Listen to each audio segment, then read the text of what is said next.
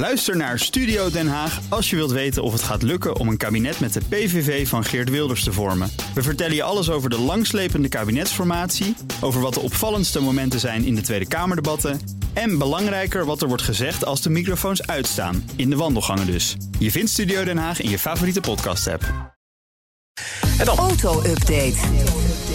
Ferrari moet op zoek naar een nieuwe CEO. Ja, Louis, Ineens. ja, je Cam- eh, Louis Camilleri Ja. eh, is opgestapt om persoonlijke redenen. Mhm. Hij is 65, hij heeft corona gehad, werd wekenlang behandeld in een ziekenhuis. Volgens Ferrari heeft dat helemaal niks te maken met eh, het opstappen. Maar wat dan wel de reden is, weten we op dit moment ook niet. Ik vind het altijd mooi als dan iemand opstapt, persoonlijke redenen. Ja, dan hoef je er verder ook niks meer over te zeggen. Mhm. Nou, misschien komt er nog meer over naar buiten. Camilleri was nog eh, niet zo lang de baas daar. Juli 2018 is hij aangesteld. En eigenlijk, Bas, het ging gewoon goed. Ehm, een recordverkoop eh, met Ferrari had hij eh, geboekt. Hij heeft eh, de beurskoers naar een torenhoog laten stijgen. Alleen, het gaat minder goed met het Formule 1-team. Hè? Ja, En, maar daar- ligt het daar dan aan? nou, Nee, hij toch? is wel heel nauw bij het Formule 1-project betrokken, heb ik gelezen. Maar goed, of dat nou de reden is dat hij ook weg moet, we weten het niet.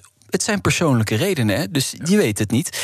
John Elken, dat is de voorzitter van Ferrari... die neemt zijn taken op dit moment even waar. Is, dat is een kleinzoon van de oude Agnelli, hè? Ja, en daardoor wordt er een beetje, of in ieder geval wordt gesuggereerd... dat er aan touwtjes wordt getrokken vanuit het Fiat-concern. En dat is wel aardig, want die jongen is volgens mij... dat is niet zo'n oude, oude man. Nee, nee, nee, het is een jonge vent. Ja, dat ja, ja, een ja. jonge vent, Maar die, Ja. die is al een hele tijd eh, is die de coming man in het Fiat-concern. Dat is het, het verhaal. Ja. En die lijkt ook erg op opa qua Ja. manier van doen. Ja, klopt. En, maar, Moet je geen ruzie meer krijgen met Ik andere net woorden. zeggen, ja, eh, hij, hij weet gewoon wat er speelt binnen dat bedrijf en hij heeft macht. Ja, zeker.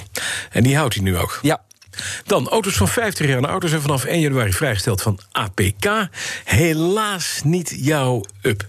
nee, die nog niet. Hoeveel, Die moet- auto's, hoeveel auto's hebben wij van 50 jaar en ouder? Goeie vraag. Om precies te zijn, 84.306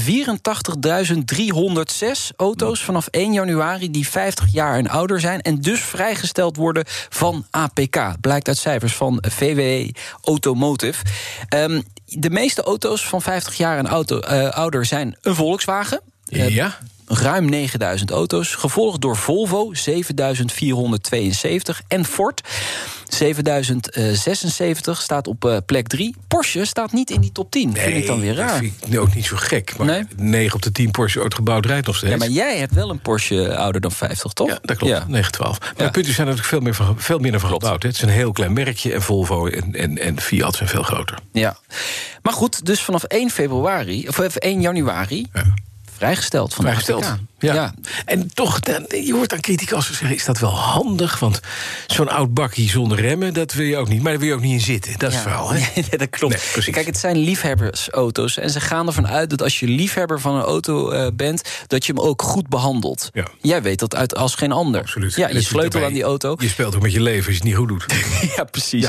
Dus er is inderdaad wat voor te zeggen. Aan de ene kant denk je, hmm, ik zou het niet doen. Aan de andere kant, ja, ach ja, het zijn auto's die rijden weinig. En eh, ja, de veiligheid, daar moet het wel goed mee komen. Zeker. Dan, oude, vervuilende auto's, lees diesels, gaan massaal de grens over, hè, schrijft het AD. Voornamelijk tweedehands dieselauto's inderdaad. Ze zijn eh, onverkoopbaar op de eh, Nederlandse markt... vanwege de hoge belasting Ja. op die auto's. Ja.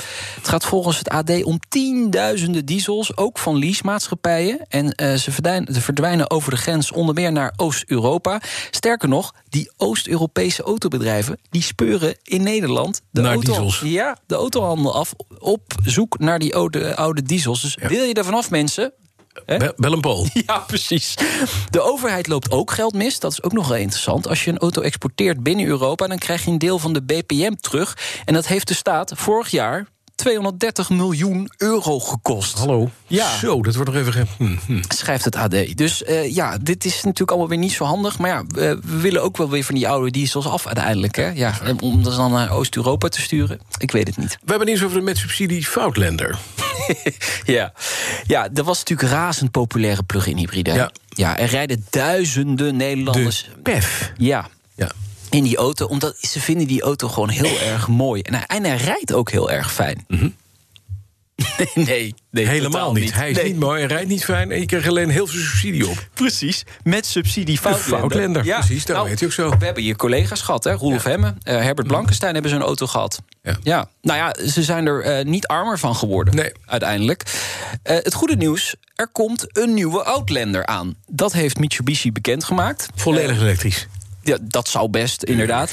De eerste foto is vrijgegeven. Ja, en? Ik heb heel slecht nieuws. Ja, dat, dat is nog een heel schimmig ding, dus daar kunnen we nog niet heel veel eh, over zeggen. Maar ik moet heel veel mensen teleurstellen. Al die fans in Nederland van die Outlander... die Ja. die nieuwe generatie zo graag willen hebben. Ja? Hij komt niet naar Europa. Jammer. Zo, dat is fijn. Goed nieuws. Vanmiddag in de autoshow. Wie heb je, wat ga je doen?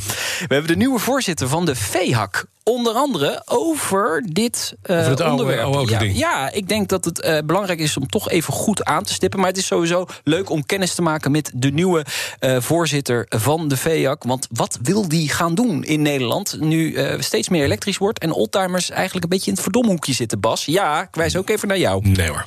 Met je vijf auto's. Nou, wij zijn van de knak en Ja. niet van de veejak. Oh ja, dat Vanmiddag drie uur de Nationale Autoshow. hè? Dus Ja. nou, dan kunnen we daar heerlijk naar gaan luisteren. Ook een podcast te beluisteren op onze website bnr.nl. Daar vind je ook de briljante podcast Petrolheads. De BNR Auto Update wordt mede mogelijk gemaakt door Lexus. Nu ook 100% elektrisch. Bij BNR ben je altijd als eerste op de hoogte van het laatste nieuws. Luister dagelijks live via internet. Bas van Werven. En heel langzaam komt de zon op rond dit tijdstip. Je krijgt inzicht in de dag die komt op BNR, het Binnenhof in Nederland en de rest van de wereld. De Ochtendspits. Voor de beste start van je werkdag. Blijf scherp en mis niets.